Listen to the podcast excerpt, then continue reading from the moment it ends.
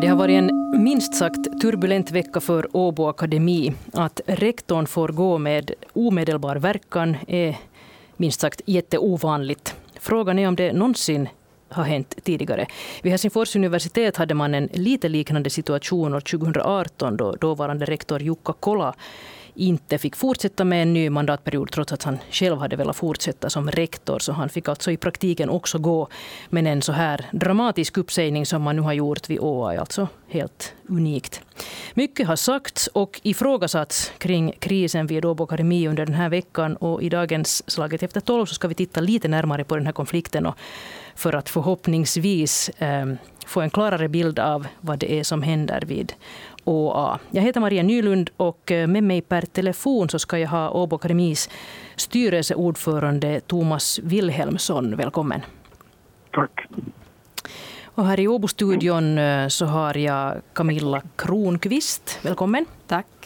Du är forskare och universitetslärare i filosofi och etik och du är också aktiv inom forskarföreningen vid ÅA. Och så har vi Johan Werkelin, välkommen. Tackar. Du är också universitetslektor och ditt ämne är oorganisk kemi. Också du är fackligt aktiv och ordförande i föreningen som heter Undervisningssektorns lokalförening vid Åbo Akademi. Det är alltså en förening för den undervisande personalen. Ja. Eller hur? Ja. Eh, jag ska också säga att jag har talat med Moira von Wright som alltså var Åbo Akademis rektor fram till i måndags eh, inför den här diskussionen. Och eh, hon meddelade då att hon inte ville delta. Så hon är alltså inte med här idag.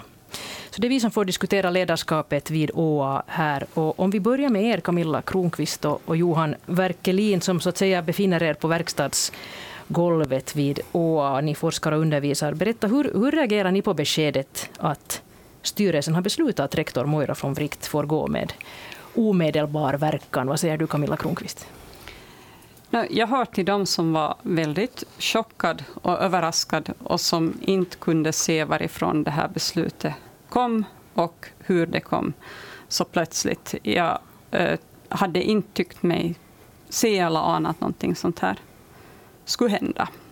Och jag är fortfarande väldigt oklar över vad det är som har hänt och hur vi ska förstå hela den här situationen, på vilka grunder det här avskedandet skedde och varför de här eh, processerna kring avskedande inte liksom följde ett mera liksom inkluderande och öppet format inom organisationen. Mm. Jag skulle gärna se att, att man skulle ha förberett det här beslutet, det vill säga att vi skulle få veta att nu kommer det att komma ett styrelsemöte, var styrelsen tar ställning till det här om det finns en oro som till exempel uttrycktes från universitetskollegiet så tycker jag att, att vi också borde ha sett en långsammare process vad man säger att universitetskollegiet har gjort det här.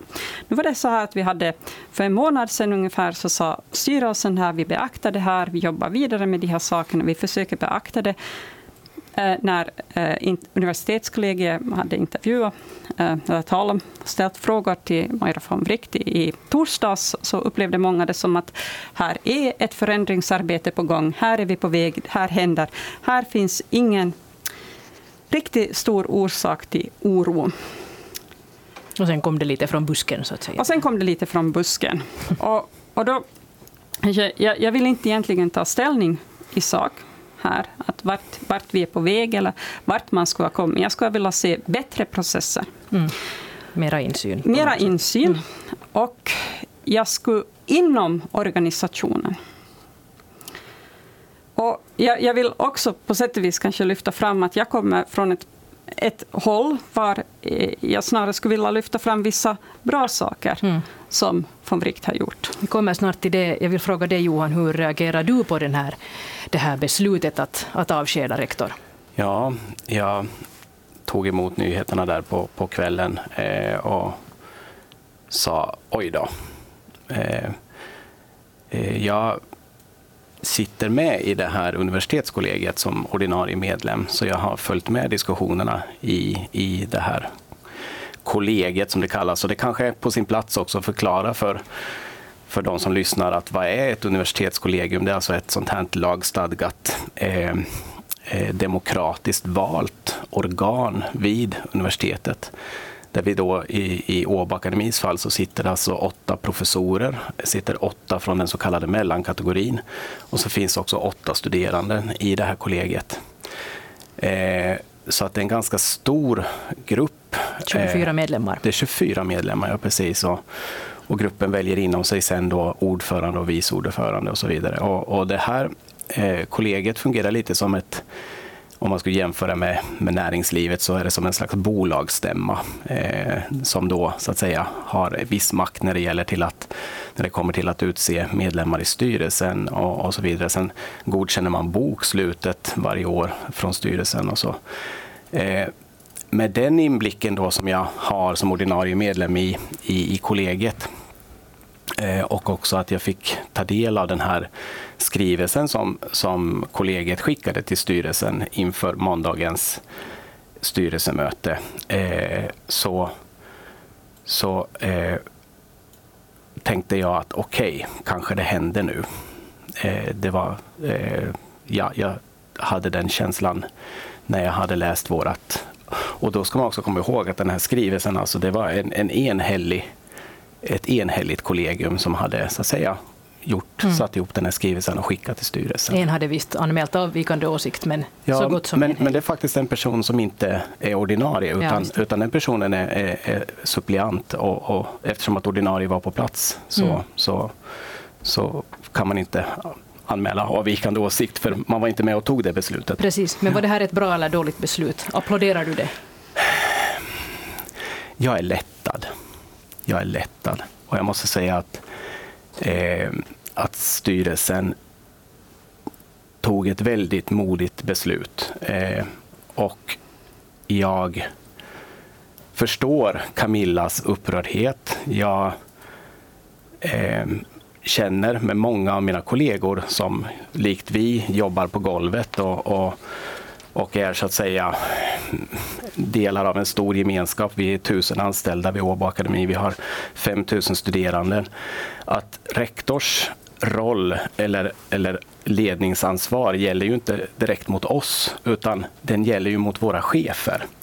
Eh, och jag har kunnat utföra mitt jobb alldeles utmärkt under rektor Moira von Wright, men jag har också sett eh, hur hennes ledarskap har, har påverkat eh, våran, våran eh, gemenskap. Mm.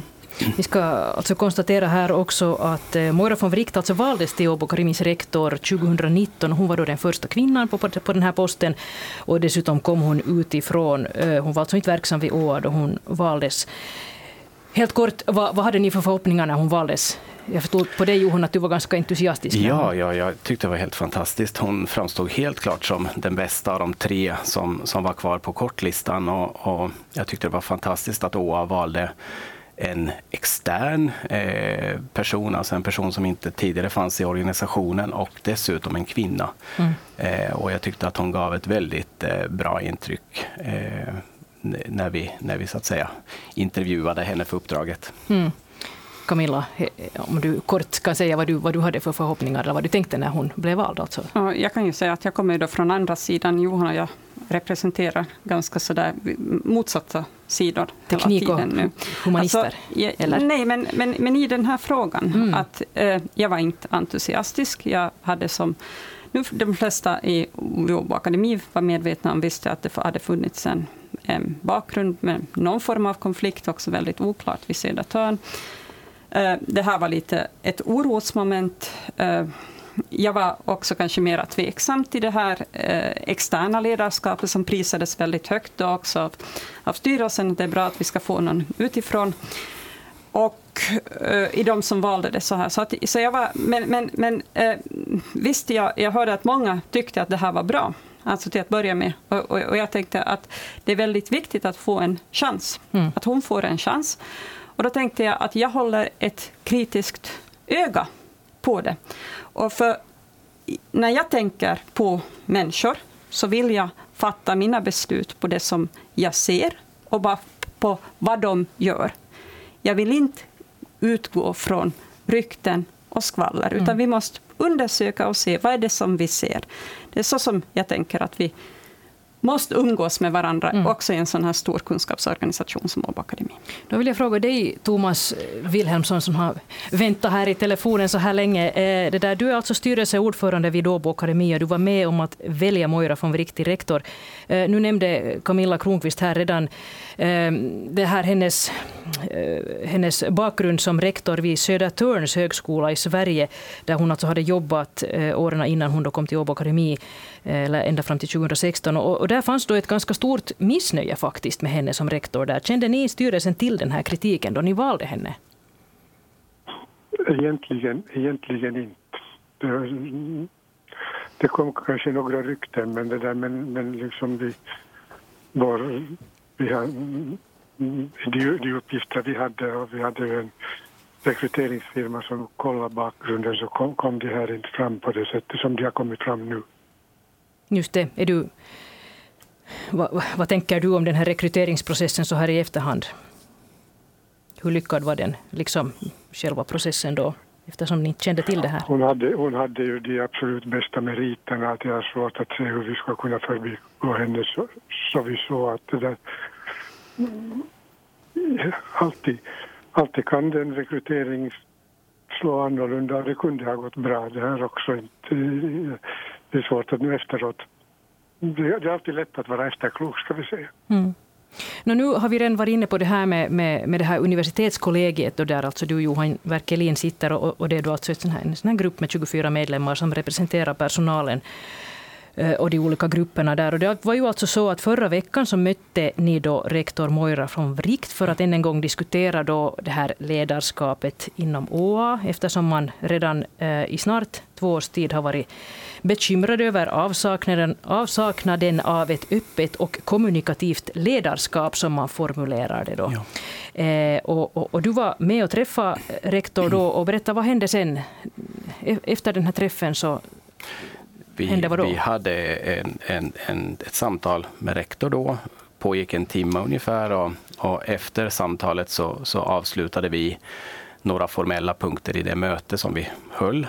Eh, och hade också en, en sån här efterdiskussion eh, om rektorns eh, eh, vad hon hade sagt gällande att utveckla eh, ett kommunikativt ledarskap och så vidare och vilka, vilka metoder hon, hon tänkte. Och där i vår diskussion efteråt så framgick det att många upplevde att, att det här kommer inte förändra någonting. Att, att vi, de åtgärder som hon föreslår kanske då inte är sådana åtgärder som på riktigt skulle hjälpa det här någonstans. Mm. Eh, och, och då så, så, så, så kom vi överens om att det ska skrivas ett, ett utlåtande till, till styrelsen där, där vi tar upp de här punkterna eh, som, som vi, så att säga då, som ett protokoll ifrån, ifrån mm. det här mötet. Just det. Och det här skrevs sedan då under veckoslutet för att hinna bli klart till måndagens styrelsemöte. Och universitetskollegiet formulerar alltså då det här brevet där man lyfter fram just eh, problemen med att rektor har varit synnerligen osynlig, att man upplever att hon inte är intresserad av att lyssna på den egna personalens åsikter, att rektor inte diskuterar med eh, dekanerna, som alltså är de som är högsta cheferna på de fyra fakulteterna. Eh, en oro som kommer sig av att man inte vet vart Åbo Akademi är på väg. Och det här brevet omfattades då av alla medlemmar i universitetskollegiet och, och lämnades sedan till, till styrelsen. Um, uh, Camilla Kronqvist, du var inte med på det här mötet, men du har reagerat ganska kraftigt på vad som hände sen, eller förstår jag det rätt? Jo, alltså, jag, jag, tycker att en sån här idé om att eh, nu upplevde vi att det här inte skulle vara tillräckligt det här är första gången som jag hör det formulerat på det här sättet. Och jag vill på det viset föra in att det är nu det här som är då beskrivningen och berättelsen. Hon sa någonting. Vi var nu några här som tyckte att det här upplevdes som att det inte skulle vara tillräckligt. Och vi bestämde oss att nu ska vi formulera ett brev. Och vi ska göra det snabbt för att få det till styrelsen. För att kanske få dem att göra någonting. Johan hade saker på känn. Det verkar vara så att man ville vara en kraft för förändring det här frågar jag att, liksom att eh, var det här agerande legitimt inom universitetsorganisationen? Hade det stöd på det viset från organisationen? Är det bra att reagera på sådana här små upplevelser. Och nu vill jag på sätt och vis också föra in här att, eh, igen den här, jag tycker att eh, det finns, ja, det, jag, jag har svårt att säga vad är allting som har hänt. Jag talar ur mitt perspektiv och vad jag har sett. Men när det handlar om det här väldigt diffusa talet om kommunikativt ledarskap eller ett inlyssnande ledarskap, så vet jag inte riktigt vad det är för någonting som man skulle vilja höra. Och jag skulle vilja säga här att jag har hört annat i vad Moira från Vrikt säger än vad de här personerna har hört. Jag har hört någon som har kunnat reflektera över att saker kanske inte alltid har gått som de vill, att ta upp de här sakerna. Det här är en oerhört stark kommunikativ förmåga hos en ledare. Det här har vi inte sett hos andra ledare förut du kan... tycker att hon har haft ett starkt Jag, jag tycker att det här är en styrka i ett ledarskap att kunna lyfta fram det har funnits fel, jag vill jobba med det och göra det offentligt. Att kommunicera det här, att inbjuda till att tala med henne och sånt. Och nu kommer den här idén om hon har varit osynlig, hon har inte gjort det. Jag tycker på många sätt att hon har varit väldigt synlig. Hon har på det viset försökt kommunicera saker. Någonting som jag sen tyckte var en, också väldigt positivt med, med valet av henne var att hon representerar en mera humanistisk, mera, har en mera pedagogisk bakgrund, talar för ett bildningsuniversitet. Väldigt viktigt idag. Hon talar, har också en sån profil i sitt ledarskap. Jag vill bara ta upp en sak. Och det eh, som fackligt aktiv så har jag följt med flera rektorer. Von Wright är den första rektor som har visat ett aktivt intresse med att tala med oss fackligt aktiva inom forskarförening till exempel. Hon har också gjort det här med professorsföreningen. Och sånt. Det här är någonting som inte har lyfts fram. Uh, och jag tycker att man ska se att det här är också ett annat slags inlyssnande ledarskap. Så frågan är, vem är det som inte tycker att de har blivit lyssnade på? Mm. Johan har redan sagt att, att vi på verkstadsgolvet, vi behöver inte ha någon som rektor som lyssnar på oss eller något sånt här. Är det just det högsta ledarskapet som har upplevt problem, till exempel dekaner och så vidare? Hur stora problem är det här egentligen? Ska inte de kunna samarbeta med olika slags ledare, kan man fråga sig. Mm, just det. Thomas Wilhelmsson, vill du berätta eh, nu, eftersom vi har en, en, eh, stark åsikt här om att, att, eh, att man kan se på det här på helt olika sätt. Alltså att, att, att tvärtom har det funnits en annan slags, slags förmåga att kommunicera här än vad man kanske har varit van med. Jag vet inte. Eh, så vad, vad svarar du till det här? Först måste jag säga att det är ju självklart att ett sådant här beslut som var väldigt svårt att ta och som vi diskuterar mycket noggrant. Så det är ett sådant beslut så delas säkert inte av, av alla. Hur, hur vi än skulle besluta så skulle en betydande del av, av Åbo Akademi ha varit, tyckt att, tyckt att det, var, det var fel beslut. Men, men när vi det där motivera beslutet så var det ju inte bara det här kommunikativa ledarskapet och där, där, där liksom och den här lyssnande aspekten som, som vi nu har fått liksom feedback från många håll att, att upplevs saknas. Utan det var också det här eh, förbrukade förtroendekapitalet som följer av, av att det fanns ganska betydande samarbetssvårigheter i, i förhållande till organisationen i, i många relationer. Och, och, och, också, också hade vi vår interna revision som hade gått igenom fall av osakligt bemötande. Vi hade helt enkelt ganska många personer som mådde ganska dåligt också i organisationen så, så det var liksom nödvändigt att göra någonting. Men jag håller med om att det där förfarandet kunde ha varit i princip kunde ha varit öppnare men det är alltid svårt när man talar. Du kan inte liksom öppet i, i, i veckor tala om har vi förtroende för chefen eller inte. Utan det här är sånt om, om, om, om eh, förtroende saknas så finns det egentligen mycket annat man kan göra. Camilla, har du en kort kommentar? Ja, jag tycker att det är viktigt att höra, se att äh, nu, nu äh, talar Wilhelmsson om vad man försökte kommunicera i det här beslutet och medgav också att det var väldigt oklart och otydligt vad man egentligen kommunicerade. Eh, man kunde ha haft en bättre kommunikationsplan och veta precis vad man ska göra.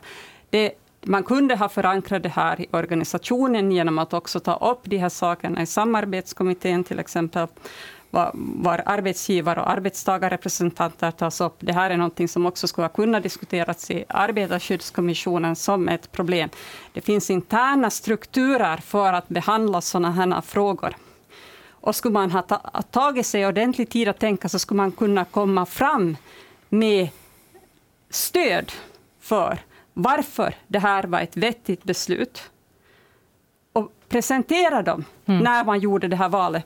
Och inte nu hålla på och revidera sina formuleringar om vad det var för beslut man fattade egentligen. Mm. Vara lite oklar med vad det är det ena eller det andra. Titta, gick det nu eller inte? Mm. Alltså, gick det igenom? Det är det här som gör att jag nu till exempel, Thomas Wilson, alltså, saknar förtroende för dig och tycker att OA är i en förtroendekris på grund av styrelsens agerande. För att vi inte vet på vilka grunder styrelsen agerat och vad de ser som goda grunder. Precis. Ja, det har varit ganska eh, flummigt får man säga, de här motiveringarna till det här väldigt dramatiska beslutet som ändå är helt unikt. Och, och det, där, det är jättemånga som efterlyser nu mera konkreti i vad det egentligen eh, är som ligger bakom det här beslutet, som ju är så radikalt. Och jag tänkte eh, ta fasta på det här, Thomas Wilhelmsson, som du här nämnde själv, alltså det här med osakligt bemötande. Kan du berätta konkret vad det har eh, handlar handlat om? Mm, det, det, jag kan ju inte, det, det är ju det som är problemet här, att det här är ju sånt som gäller, gäller, gäller liksom personliga, personlig integritet, både för, för rektorn men särskilt också för dem som, som har drabbats. Att vi kan ju inte gå ut med, med exempel, men, men så mycket kan jag säga att vi har haft intern revis, interna revisorna har, har gått igenom ett antal, eller, eller de här fallen och kommit med, med ganska besvärande det här äh, rapport som också i sig tillser att, att vi måste, måste göra någonting också rent, rent juridiskt. Mm. Men, men det där, vi kommer att ha en, en, en äh, äh, informationsdag för personalen nästa tisdag där det går mera i detalj, så långt man nu kan gå genom, genom de här, de här äh, äh motiveringarna. Och till saken hör ju att vi hade ganska, ganska mycket underlag. Både interna revisorns rapport, vi hade, hade de här olika inspelen från, från äh, kollegiet. Vi hade arbetsmiljöundersökningens nya, nya resultat som alla kom väldigt, väldigt sent, att det där, som, som gjorde det lite problematiskt med den här, det här själva, själva förfarandet. Mm. Har, så, så därför, därför kanske det framstår som, som att, att det skedde snabbt, men det här är en sak som vi har diskuterat här i flera repriser ganska länge. Jo. Jag har talat med, med flera personer eh, inom personalen inför den här diskussionen och som eh, berättar hur de har upplevt eh, rektor. Och här har använts då ord eh, som grava och allvarliga problem. Eh, personer har behandlats mycket dåligt, olik behandling. Ehm, till och med ord som mobbning och förföljelse har alltså nämnts. Uh, en del säger sig ha behövt professionell hjälp för att klara av det här. Så här finns en hel del anklagelser i luften nog kring kring det här rektors uh, ledarskap. Jag undrar bara hur, hur tungt vägde just de här upplevelserna av osakligt bemötande i måndags då ni fattade det här beslutet? Nu, hade det en nu spelade det naturligtvis en väldigt viktig roll. Mm. Hur stor inverkan hade det här universitetskollegiets eh, Eh, skrivelse? Det bekräftar ju bara lite det, det som vi har, Det är klart att det är inte universitetskollegiet som ska välja rektor och avsätta rektor utan det är styrelsens ansvar. Men det är klart att en sån här enhälligt inspel från universitetskollegiet så nu bekräftar det ju bara det som, som vi som styrelsen liksom hade också fått reda från de här andra, andra, andra det där Eh, äh, källorna och dessutom har vi ju i styrelsen en majoritet av interna ledamöter som alla på, som representerar väldigt olika platser i, i det här, äh, i, i organisationen och de hade alla också gjort liksom sin research på sitt håll så, så de, var, de var ganska eh, övertygande. Har ni några kommentarer här, Johan men Jag skulle kunna kommentera just det som Thomas Wilhelmsson säger här om, om styrelsens sammansättning. Att man kan berätta för lyssnarna här till exempel det att eh, sex av tio styrelsemedlemmar väljs alltså direkt av universitetsfolket. Alltså två väljs av studerandena, två väljs av lärarna, två väljs av professorerna. Så att vi har en, en stark, i och med den nya universitetslagen, som inte är ny längre, för den är från 2010, så att det är ju redan ganska länge den har funnits, så har vi liksom en, en stark demokratisk representation i universitetsstyrelsen.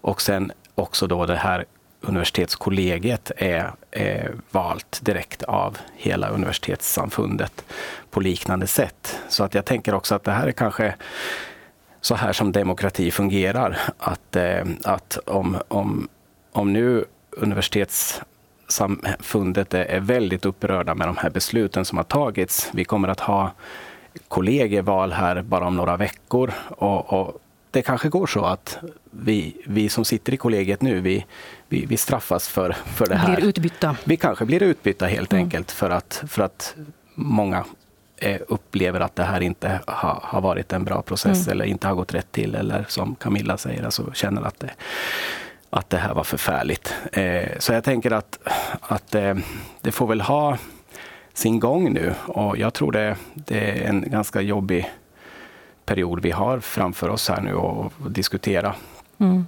vad som har hänt. Och personalen är ju stor, ni är ju 1200 anställda och det är ganska klart att det finns väldigt olika uppfattningar. Vissa har då kanske haft närmare kontakter och andra har inte och, och helt, helt oförstående till, till det här. Eh, jag funderar en sån sak som du lite Camilla Kronqvist var inne på här, att, att, att flera av de senaste rektorerna vid Åa alltså har varit eh, professorer inifrån Åbo Akademi, de har varit naturvetare och män, eh, till exempel Bengt Stenlund och Mikko Hupa och Jorma Mattinen.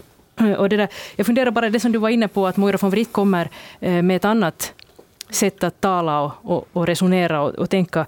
Eh, kan, kan, kan det vara så att hon har haft ett angreppssätt som på något sätt har känts väldigt främmande för Ja, uppenbarligen verkar det finnas grupperingar som tycker att det här angreppssättet har känts främmande. Mm, jag har ju sen då kanske snarare tyckt att det har varit uppfriskande och annorlunda det som jag har sett. Eh, jag har tyckt att det har eh, varit positivt och jag tycker att hon har gjort saker på ett annorlunda sätt än till exempel nu Eh, styrelsen, som jag tycker upprepar de här gamla, ganska problematiska sätten att, att reagera. Och jag vill också nu eh, komma tillbaka och säga att, att vi måste se här att både styrelsen eh, och kollegiet, och rektorn förstås, innehar olika former av makt. Kollegiet kanske minst makt på sätt och vis, men de kan göra vissa saker i organisationen. Och det är väldigt viktigt nu här att det som vi tittar på och granskar, det är styrelsens agerande och de grunder som de har. För styrelsen har rätt att avsätta rektor på goda grunder. Och det som vi nu måste diskutera är vilka de här grunderna är och vad vi ser som goda grunder för att avsätta någon. Och det verkar tydligt i kommunikationen från styrelsen att de inte har fört den här diskussionen sinsemellan och de ändrar hela tiden sin berättelse. Det gör också styrelseordförande. För att passa och liksom, är det här nu ett skäl? Är det här nu ett skäl? Så det verkar som om någon form av press upplevde de. Någonting måste göras. Hur ska det göras? Vi måste nu göra någonting. Jag vet inte varifrån den här kom, från ett inre känt tvång, kanske den kom utifrån. Vilka de här människorna var vars uh, upplevelser av osakligt bemötande, var liksom, hur de ska beaktas. Det finns förstås många upplevelser av osakligt bemötande inom organisationen, var vi inte går in och sparkar ledaren som har utsatt folk. Det här är liksom den värld som vi på verkstadsgolvet lever i, det vill säga att vi hela tiden får leva med. Osakligt inte så bra. Bemötande. Ja. Inte alltid, på olika ställen, men vi gör det hela tiden. Och då är det ju frågan att vem har makten att säga att min ledare måste bort för att jag inte kan samarbeta med henne. Mm. Men. För samarbete är förstås ett samarbete. Det är inte så här att vi vill ha en ledare som är liksom en sån här kommunikationsexpert. Vi är vuxna människor. Vi är alla mycket sakkunniga människor som tål kritik och som tål eh, ett kritiskt samtal med andra och som tål att kanske också lite trampas på tårna ibland när vi kommer till de här högsta ledarnivåerna. Det är, liksom, det är samarbete som vi på verkstadsgolvet måste titta på. Mm. Hur klarar de det? Det är inte bara ens fel. Ja, lagen säger ju att, att avskedande av en rektor som numera liknar ganska mycket en verkställande direktör i ett bolag, det kan göras då som du sa precis med en godtagbar och grundad orsak. Och, och, men här är det ju då styrelsen som avgör vad som ska anses vara det. Va, vad säger du Thomas Wilhelmsson till, den här, till, till det som just Camilla Kronqvist Dels har jag svårt att förstå vad, vad, vad Camilla menar med att vi har ändrat, ändrat det här uh, budskap hela tiden. Jag tycker nog att vi har varit väldigt klara med det är klart att i vårt pressmeddelande var, måste man sammanfatta det väldigt, väldigt kort men jag talar om det för, förbrukade förtroendekapitalet och olika syner på ledarskapet i vilka ingår det osakliga bemötande och samarbetssvårigheter. Det, det är liksom kärnan, kärnan i, i det budskapet hela tiden. Och sen är frågan om hur mycket konkret vi kan, vi kan säga för att just när det gäller till exempel det här osakliga bemötandet så, så gäller det ju mycket enskilda personer som har råkat, råkat i kläm och, och det där och, och det, det, kan vi ju inte gå ut med och, och, och berätta, berätta i detalj. Men, men jag upplever nog inte att den här den här själva, själva liksom narrativet har, förändrats på något sätt. Och det kan vi ju inte göra heller. Det, det, har talats väldigt mycket om att det finns ett, ett brett missnöje i personalen. Det har talats väldigt mycket om att det inte finns förtroende. Och att det här är någonting som har tillskrivits personalen, medan man i det första budskapet sa egentligen att styrelsen var väldigt nöjd egentligen med hennes arbete när det gällde det här innehållsliga arbetet. Man har talat om det här ledarskapsperspektivet. Och det som har kommit fram är snarare så här, vi skulle önska oss en lite annan slags ledare, vi skulle önska oss någonting annat. Om det som fällde, sist och slutligen, var osakligt arbete, alltså osakligt beteende, sen borde det här har förankrats mycket mera i processer inom universitetet. Jag tycker att det här är en berättelse som har kommit till. Det fanns inte i det första. Kanske ville man vara artig eller någonting sånt. Men i så fall så har man gjort det dåligt. Det här har ändrats. Man har talat om olika, led, olika slags ledarskapssyn. Det här kan betyda oerhört mycket. Det kanske var självklart för er att det betydde någonting sånt som osakligt bemötande och klara brister i personalförmåga eller någonting så, i ja. att relatera till andra personer. Men det här har ni inte kommunicerat. Och det här måste ni faktiskt titta på och se, för det är ni som talar om kommunikativ förmåga och inlyssnande ledarskap. Det är ni som ska fundera nu på hur ni har kommunicerat och fortsätter att kommunicera i media. Borde ni, Thomas Wilhelmsson, ha varit eh, mer detaljerade och tydliga, eh, tydliga eh, redan från början? Det, det är liksom eh, lite hur man, hur man ser på saker. vi försökte ju som, som Camilla sa vara, vara också, också eh, inte liksom utpeka rektor för, för mycket, att vara, vara liksom skonsamma i vår vår bedömning. Men det där... Men det, man kan ju naturligtvis ha, ha olika uppfattningar om det här. Vi kunde ju ha skrivit det, skrivit det press, det är väl fråga om vad vi skrev i vårt pressmeddelande. Inte liksom i styrelsen så formulerar vi ju ganska långt långt de här, de här grunderna men protokollet är bara inte färdigställt ännu. Och min tanke är ju att när vi ska ha vårt möte på Åbo Akademi så ska jag gå, gå i detalj genom, genom det här, mm. det här med, med personalen. Ja, nästa vecka ska alltså styrelsen öppna upp lite mer mm. om orsakerna till den här uppsägningen. Vad tänker du Johan Werkelin om det här efterarbetet? Hur viktigt är det nu? Liksom, vad borde hända? Jo, det är nog oerhört viktigt att eh, styrelsen kommunicerar här eh, grunderna till sitt beslut. Och jag, jag tror vi har en period framför oss här vid Åbo Akademi där vi, där vi måste få eh, ja, den här Eh, alltså nästan sörja kanske eh, att det gick så här. Och, och att, att prata med varandra och, och utbyta eh, utbyta tankar om hur det här eh, ledarskapet faktiskt var. Eh, jag har mina tankar om det och Camilla har, har sina tankar om det och vi har tydligen väldigt olika bild. Mm. Du fick sista ordet här, Johan Werkelin. Tack till dig för att du var med.